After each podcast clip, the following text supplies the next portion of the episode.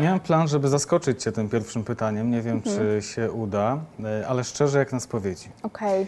Umówiłabyś się z facetem, który wyrzuca plastik do zmieszanych? Nie wiem. Nie no, postarałabym się go chyba wyedukować. Nie skreśliłabym go jako człowieka. A byłabyś w stanie całkowicie odpuścić? Na tej zasadzie, że Ha. Ty sobie tutaj dbasz o y, planetę, a on ma w nosie, czy, czy nie, Nie. odpuściłabyś? Em, byłoby mi trudno, ale to nawet nie chodzi o sam ten plastik, tylko o, o nastawienie, Mhm. o, o, o sposób myślenia, wedle którego obiektywnie to ja miałabym rację, tak? Dane No są tak. po mojej stronie. E, I ta osoba, mimo że dostałaby informacje, które oczekiwałabym, że zmienią jej światopogląd, nie dostosowałaby go e, do tych nowych danych, więc to chyba świadczyłoby o tym, że mielibyśmy generalnie problem w relacji na dłuższą metę.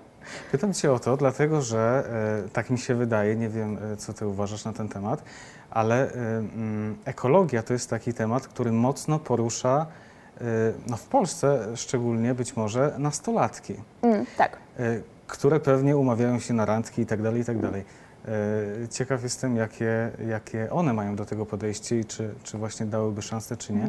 Ale pytam Cię e, o to także dlatego, że jestem ciekaw Twojego mm, nastawienia w ogóle do osób, które mają no, na ekologię wywalone. Czy Ty się wkurzasz, e, czy masz na przykład w sobie taką cierpliwość, żeby usiąść, wytłumaczyć, porozmawiać, przekonać? Ha, wiesz co, trochę ani jedno, ani drugie. Ja, ja nie jestem typem człowieka, który właśnie tak żyje z misją. Wiesz o co chodzi? Że ja sobie wymyślę, że ciebie przekonam. Nie jesteś taka? W ogóle nie. E, absolutnie. Nie, nie A, lubię ja tego. myślałem po YouTubie Twoim, że właśnie taka dokładnie dużo jesteś. ludzi tak myśli. To jest taki wniosek, który się w sumie intuicyjnie nasuwa. Ja pewnie No też tak. bym tak pomyślała, natomiast ja wychodzę z takiego założenia, że to, co ja robię na YouTubie, to jest właśnie taka, to nie jest agitacja, Mhm. to nie jest stanie na ambonie i obwieszczanie ludziom, jaka jest prawda o świecie i grożenie palcem każdemu, kto nie uwierzy w to, co ja mówię. Ja wychodzę z założenia, że moje zadanie się w sumie i zaczyna, i kończy na tym, żeby dostarczyć ludziom tych informacji. Wiesz co chodzi? Jeśli Mhm. że masz ktoś poczucie, chce, że ty to już może sobie z nich robisz dużo poprzez YouTube. E, tak, to znaczy mam poczucie, że ja nie chcę tak jest. sięgać dalej. Wiesz co Mhm. chodzi? Każdy ma swój rozum, każdy sobie może decydować, jak będzie żyć i, i ja nie mam poczucia, że muszę to zmieniać koniecznie.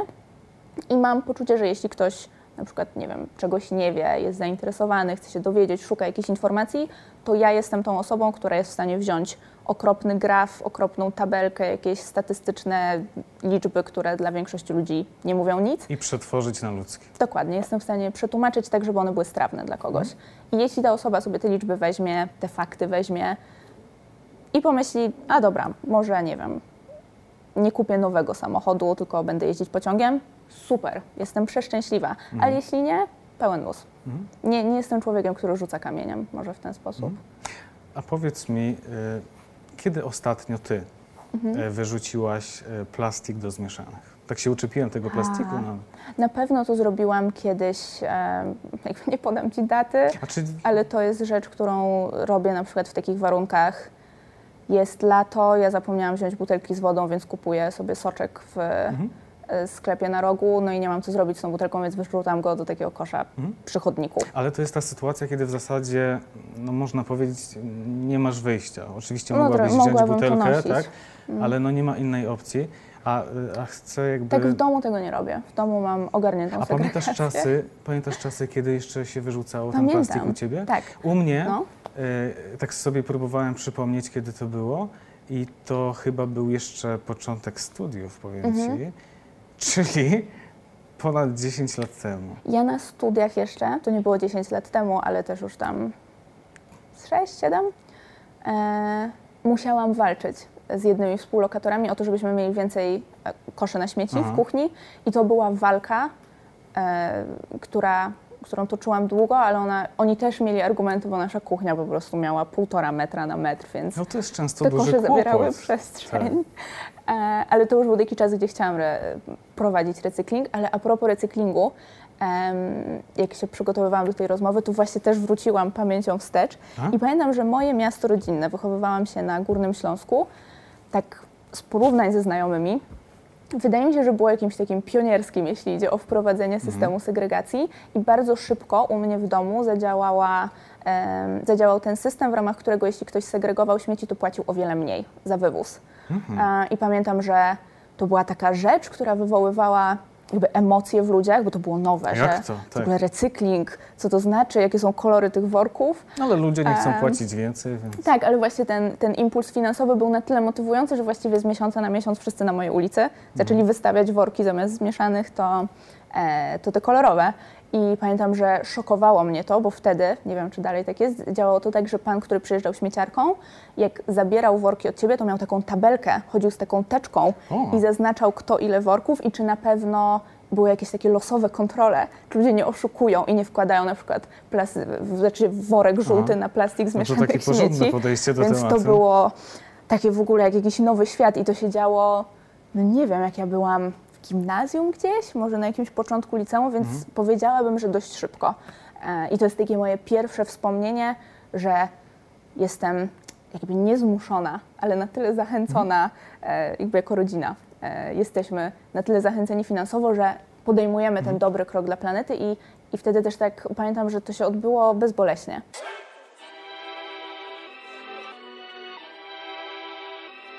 Ja nie chciałbym, żeby ktoś sobie pomyślał, oglądając ten wywiad, że e, no my jesteśmy tacy święci i, O, i super ekologiczni, no chyba, że ty jesteś. Mhm.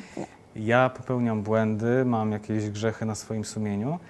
E, Być może ludziom będzie łatwiej, komuś będzie łatwiej, jeśli usłyszą, że e, ty także je popełniasz. No pewnie, Jakie tak. masz ekologiczne grzechy na swoim sumieniu?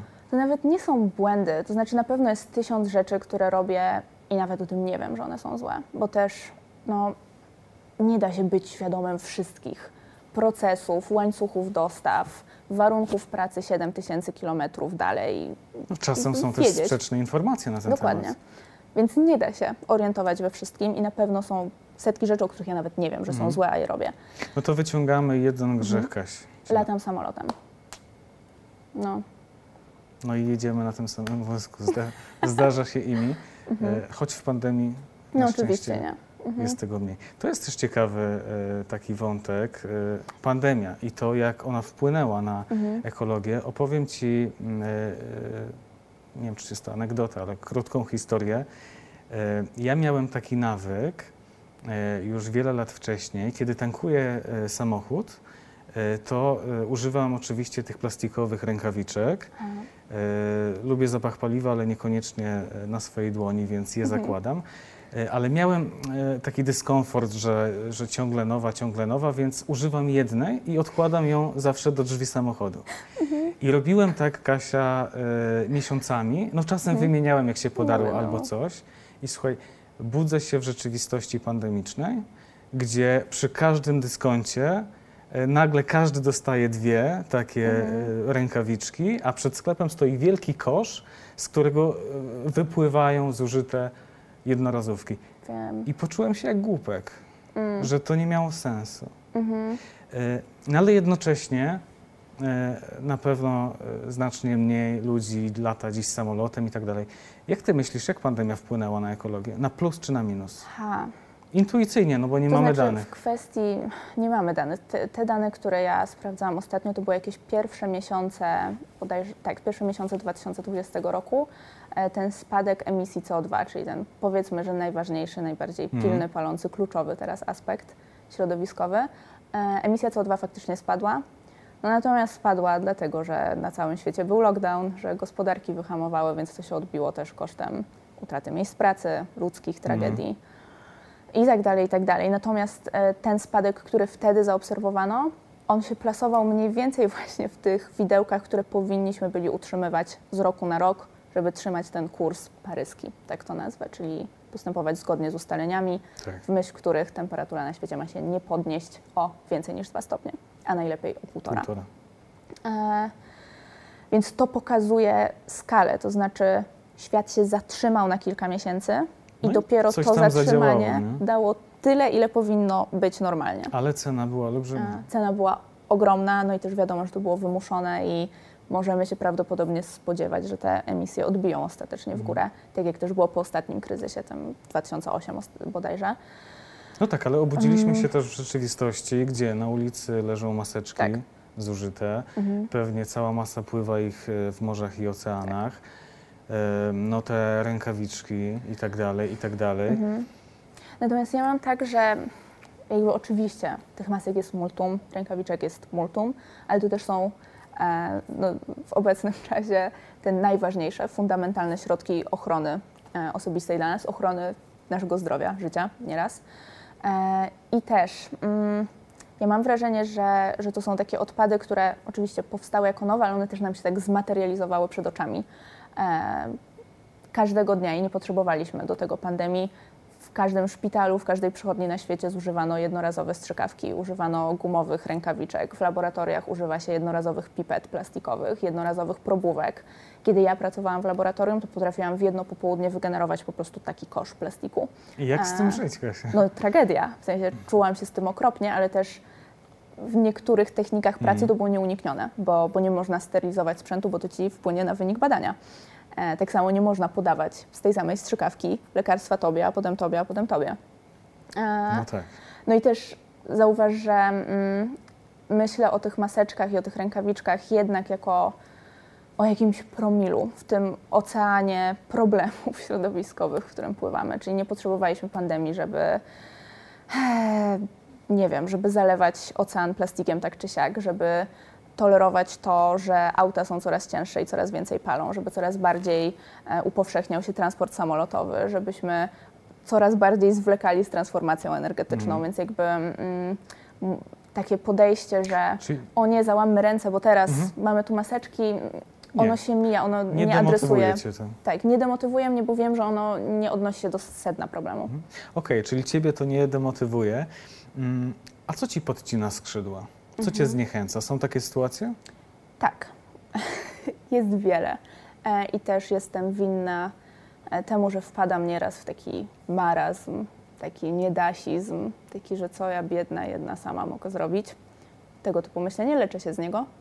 E, natomiast co mnie boli, co mnie demotywuje, przeraża mnie, to jest może to słowo, skala mm, działań, które muszą zostać podjęte że jest tego tak dużo, tak? Tak, żebyśmy faktycznie zaobserwowali e, hmm. efekty. Przeraża mnie, jak bardzo wielopoziomowe mm, są te wszystkie jakieś zjawiska, systemy, procesy, które wymagają zaadresowania. Generalnie poziom skomplikowania świata mnie po prostu obezwładnia, a wiem, że to na tym poziomie złożoności trzeba działać. Więc tak, trochę mnie też boli i to jest taka rzecz, która mi pomaga mm, pomaga wychodzić właśnie z tego marazmu, z tego poczucia, mhm. że co ja sama tam mogę. To znaczy, boli mnie to, że myślimy o sobie generalnie jako bardziej o konsumentach niż o obywatelach. I wydaje mi się, że to jest taka, mhm. taka zapadka w mózgu, którą trzeba sobie zmienić. Na czym to polega? Polega to na tym z grubsza, że takim pierwszym odruchem, w którym myślimy, jest to, że ja mogę zmienić świat coś kupując. Jeśli mi się to opłaci. Jeśli mi się to opłaci. Mm. E... Jeśli będzie tańsze. Niekoniecznie właśnie. Zauważ, mm. że wiele, i to też mnie boli, e, wiele takich powiedziałabym prośrodowiskowych rozwiązań są rozwiązania, które są droższe, które są dostępne tylko dla bańki no, ludzi, no, którzy mówię. są zamożni. O tym mówię, dlatego niektórzy mhm. mówią, dopóki mi się to nie opłaci, tak. to mam to w nosie. I Tę też ekologię. trochę mają rację ja, ja ich nie winię za to, że tak mówią. E, bo wiesz, na przykład, nie wiem, jak byłam na studenckim budżecie, to nie było mnie stać na golf z jakiejś etycznie pozyskanej wełny no za kilkaset złotych, tylko kupowałam t-shirty za 19 Sieciówka. z sieciówki. Po prostu i to było jakby poza moją kontrolą. Nie byłam w stanie sobie wtedy pozwolić na te rzeczy, więc też rozumiem ten argument finansowy. E, natomiast wracając do tego, o czym mówię, to że myślenie jest takie właśnie jednostkowe, co ja mogę lepiej kupić, co ja mogę nie wiem, której wielkiej korporacji lepiej jest zapłacić, żeby mm. uzyskać jakiś tam efekt. I oczywiście tego typu działania też działają. Też działają.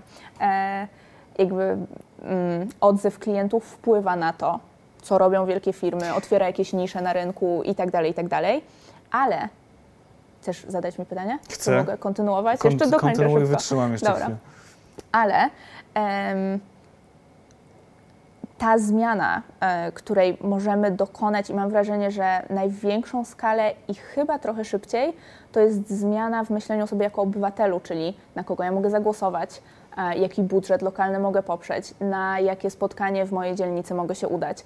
E, I takim świetnym przykładem z ostatnich lat, bardzo świeżym, który to obrazuje, jest smog. Zauważ, kiedy się zaczęła dyskusja Ale o nie smogu. wawelski, tylko Nie, ten w smog, powietrzu. ten w powietrzu. Dyskusja o smogu, kiedy ona weszła do głównego nurtu? Z 5 lat Kilka temu, temu, 6, tak. to jest bardzo świeża sprawa. I przypomnij sobie, nie wiem, wybory circa 2010, która partia wtedy mówiła o smogu? Który kandydat na jakiekolwiek No stanowisko? ja mam poczucie, że żaden. Żaden. To w ogóle nie no właśnie, temat. więc zaczął się temat, ludzie zaczęli budować świadomość, dowiadywać się, że ten smog im szkodzi. I dzisiaj w ostatnich wyborach właściwie nie było kandydatów czy partii, którzy mogliby sobie pozwolić na to, że na przykład nie będą wiedzieć, w jaki sposób będą ludziom pomagać wymieniać stare piece. W Mhm. jaki sposób będą ograniczać ruch samochodów w miastach, albo w jaki sposób będą ograniczać to, że skupujemy stare, śmierdzące diesle z Mhm. Europy Zachodniej. Więc jakby ta zmiana jest realna. To jest coś, co mnie akurat motywuje. Mhm. To, że widzę zmianę e, i e, faktycznie ją widać. Ktoś, kto mówi, nic Mhm. się nie zmienia, nie jest moim zdaniem do końca uczciwy. Mhm. E, Przychodzi mi głupi przykład do głowy chociażby fast foodów. Mm. Jak one się zmieniają. To, że dzisiaj no już nie ma plastikowych słomek. Tak. E, Zauważ Przynajmniej w też, sieci, że- którą mam na myśli. Tak, zauważ, jak wiele tych dużych graczy zaczyna wprowadzać wegetariańskie menu. A Zdecydowanie. to są restauracje, które korowo są mięsne. Tak. No, tak samo, no nie wiem, jeszcze jakbyś się cofnął tam x dekad wcześniej, no to też w Stanach Zjednoczonych wychodzono z przekonania, że jak się zakaże wielkim korporacjom spuszczania ścieku do rzeki, no to w ogóle gospodarka upadnie, wszyscy umrą i kraj splajtuje. No wiemy, że tak nie jest. A to też był Mhm. mindset e, jeszcze ileś lat temu, więc zmiana zachodzi faktycznie. Mam wątpliwości co do tego, czy adekwatnie do potrzeby, Adekwatnie ale zachodzi, tak. E, I to jest to, co mówiłam, ten właśnie myślenie o sobie tak w kategoriach konsumenckich versus obywatelskich. To jest taka rzecz, która jednocześnie mnie demotywuje i motywuje. To znaczy widzę, że to się zmienia, widzę, że ta idea zorganizujmy się, zróbmy coś dobrze, wy, nie wiem, wywierajmy presję na polityków, na reprezentantów, na jakichś lokalnych zarządzaczy, e, że to działa, że ta idea się upowszechnia, mm, ale też widzę to wśród wielu moich znajomych, że oni wychodzą z takiego założenia, że no co, no co ja pozbędę się tej słomki? No przecież to jest w ogóle, to nawet nie jest kropla w morzu potrzeb. E, Więc ogólnie wychodzę z założenia, że i tak dojdzie do katastrofy i otwórzmy piwo, ja już mam wywalone. E, Więc to jest taka rzecz, na którą patrzę trochę ambiwalentnie.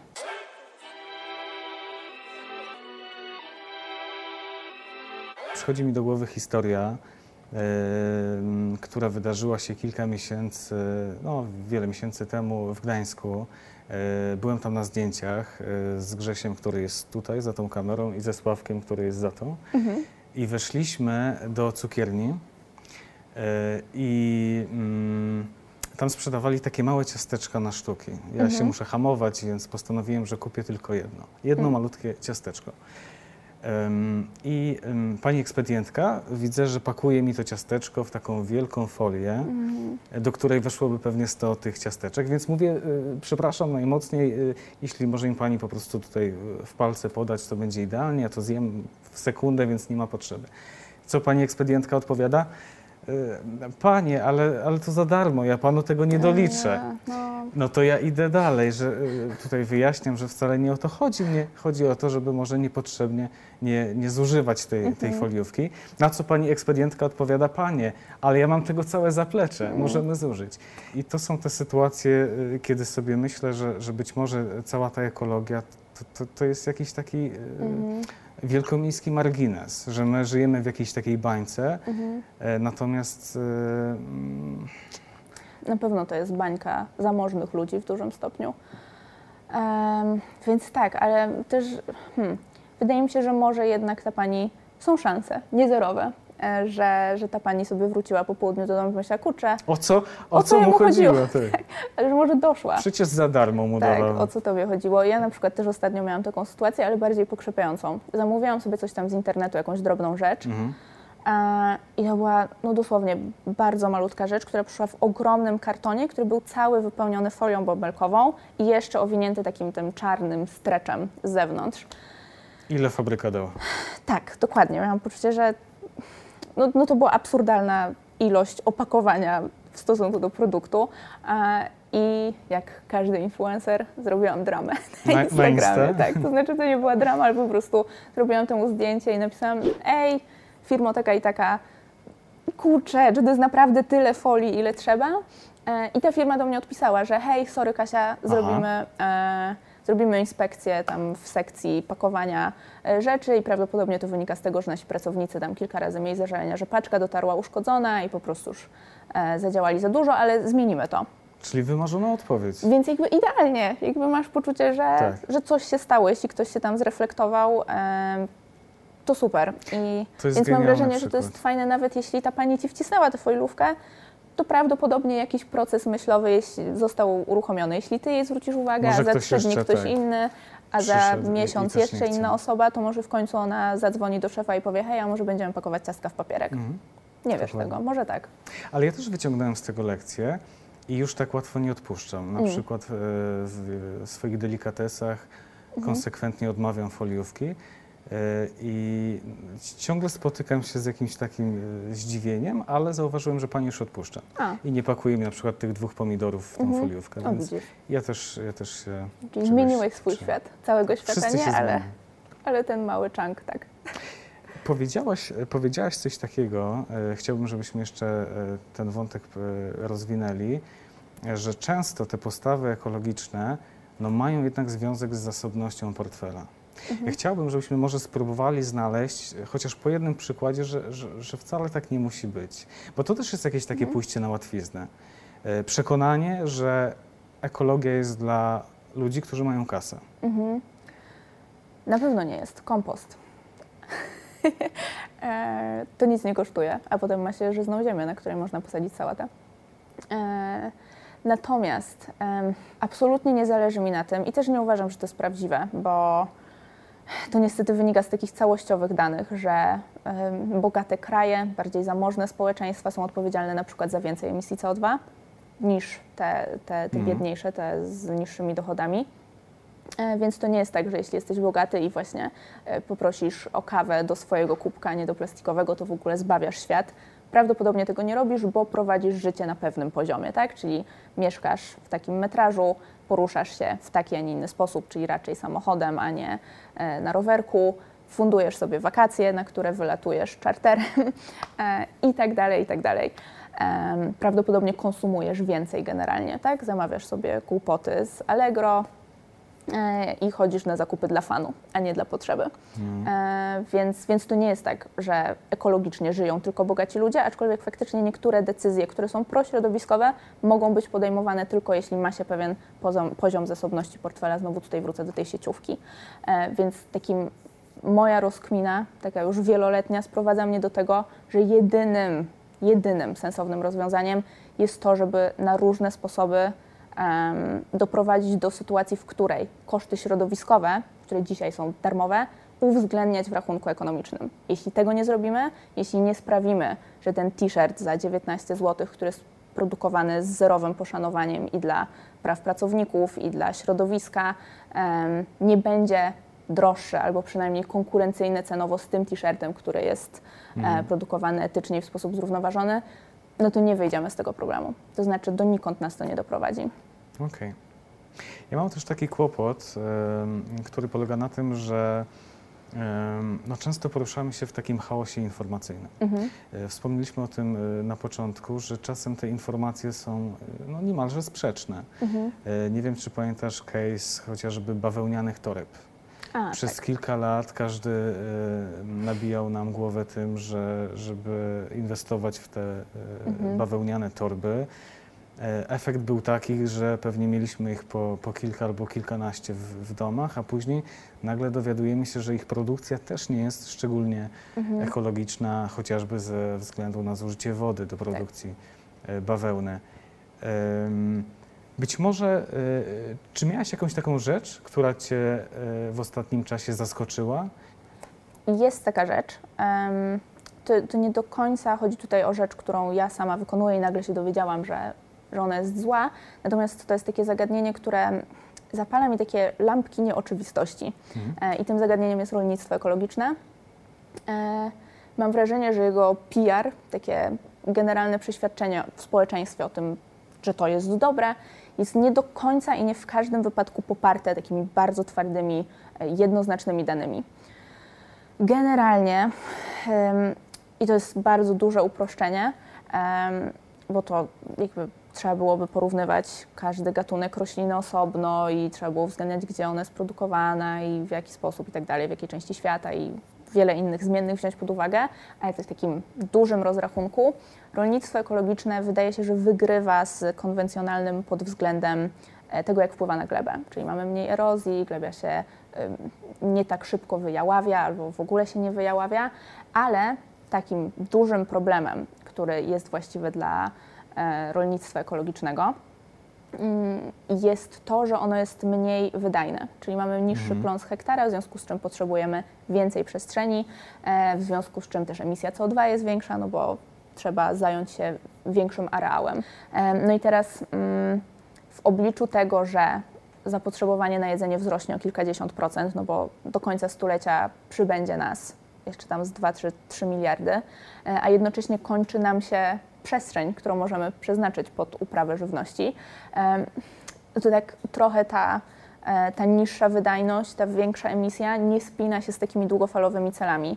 E, I mam poczucie, że, że takich informacji bardzo brakuje w, w debacie o tym w ogóle, jak powinniśmy e, uprawiać rośliny, jak powinniśmy sobie zagwarantować w jedzenie ogóle jako nie ma ludzkość. takiej, W ogóle nie ma takiej debaty, w Mam ogóle nie ma takiej edukacji. tak, że- Ciekawe, czy w szkołach jest. Oj, wątpię. Mm. Bardzo wątpię. Mm, mam wrażenie, że właśnie tak się utarło, że rolnictwo konwencjonalne, no nim pryskają, to jest dramat, Mm. tam jest GMO i to jest wszystko złe, a z kolei rolnictwo ekologiczne to są e, właśnie, wiesz, jakiś pan w słomkowym kapeluszu po prostu sobie pieli grządkę i on te ma wspaniałe plony, w które wkłada serce i ani ten obraz nie jest e, wierny rzeczywistości, ani Mm. ten. Więc tutaj bym chciała, żeby ta dyskusja była taka bardziej zniuansowana.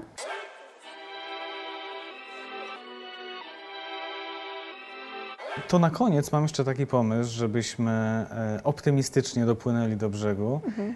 e, żebyśmy może wymienili po jakimś jednym ekopatencie, ekonawyku, Mhm. e, który być może kogoś zainspiruje i będzie chciał go zaimplementować w swoim życiu.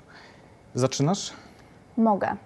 Mam takiego? taką świeżą rzecz nawet z dzisiejszego dnia. Dosłownie dawaj. dzisiaj rano odebrałam zamówienie warzyw, takich warzyw z odrzutu. Mianowicie powstała taka inicjatywa, w ramach której gospodarstwa rolne, rolnicy, którzy e, mają jakieś warzywa albo owoce, które nie spełniają tych estetycznych standardów, e, które by umożliwiły im sprzedanie ich jakimś dyskontom, dużym sieciom itd., em, sprzedają te warzywa jakiemuś tam sklepikowi, takiemu dystrybuo, dystrybu, jak to się Toro- mówi? torowi? Torowi? Dystrybutorowi, tak, to jest to słowo. E, I to są warzywa, które są brzydkie, mają jakieś ciapki, są krzywe, nieforemne, ale są przypyszne nadal. E, I te warzywa są sprzedawane tam taniej, no bo Mhm, duże no sklepy tak. ich nie chcą. E, I e, ta instytucja, od której ja je kupowałam, ona po prostu skupuje multum takich warzyw i ty się piszesz na skrzynkę warzyw i nie wiesz, co będzie w środku. To są warzywa sezonowe, więc Okej. teraz jest sezon, tam była świeża sałata, rzodkiew i To tak jest dalej. świetne. To, To, jest, super. świetne. Tak, i zamawiasz sobie po prostu x kilogramów warzyw i one są tańsze, więc to jest pierwszy plus dla ciebie, a drugi jest taki, że robisz fajny uczynek, bo jest Mhm. duże prawdopodobieństwo, że tego typu e, produkty by zostały zmarnowane, bo No nie tak. wszystkie z nich można, nie wiem, wykorzystać do karmienia zwierząt, bo to są jednak produkty mm, no, hodowane z myślą o, Dla ludzi. tak, o ludziach. I ty Em, przekonujesz, że, że, że są smaczne. Są przepyszne. Dzisiaj zrobiłam najlepszą zupę szczawiową w całym moim życiu. Czyli jednak. Świetne to jest, tylko zastanawiam się, czy nie jest to jeszcze właśnie e, no, taka inicjatywa, e, która może się wydarzyć wyłącznie w tych największych miastach. To prawda. To, Ale może to kwestia czasu. Tak, to jest póki co niestety rzecz dostępna tylko w największych Mhm. miastach, aczkolwiek wydaje mi się, że, że jeśli będzie dostatecznie dużo, dostatecznie zmotywowanych, zajaranych, zapalczywych Mhm. ludzi, e, to da się to wyskalować, ten system i, i organizować tego typu takie warzywodzielnie e, też lokalnie. Da się na pewno. Z Tak, z polecam pewnością. zgooglować hasło rolnictwo wspierane społecznie, RWS. Dowiedziałam się o jego istnieniu parę dni temu, jestem super zajawiona. Okej. E, No to tip jeszcze ode mnie. Zastanawiałem się cały czas, e, co mogę powiedzieć. W ostatnie święta jadłem e, po raz pierwszy w swoim życiu uwaga, powiem to, wegańską kiełbasę. I była najlepsza, e, jaką kiedykolwiek Mhm. No jadłem. właśnie. Więc no. polecam e, spróbować właśnie taką żywność, e, która udaje mięso, ale nie jest Mhm. mięsem, bo możecie się przekonać, że smakuje wyśmienicie. Czyli ograniczasz mięso Tak, diecie. to jest ten super. mój tip. Dziękuję Ci pięknie Dziękuję za również. spotkanie. Dzięki Fajnie było wielkie. pogadać.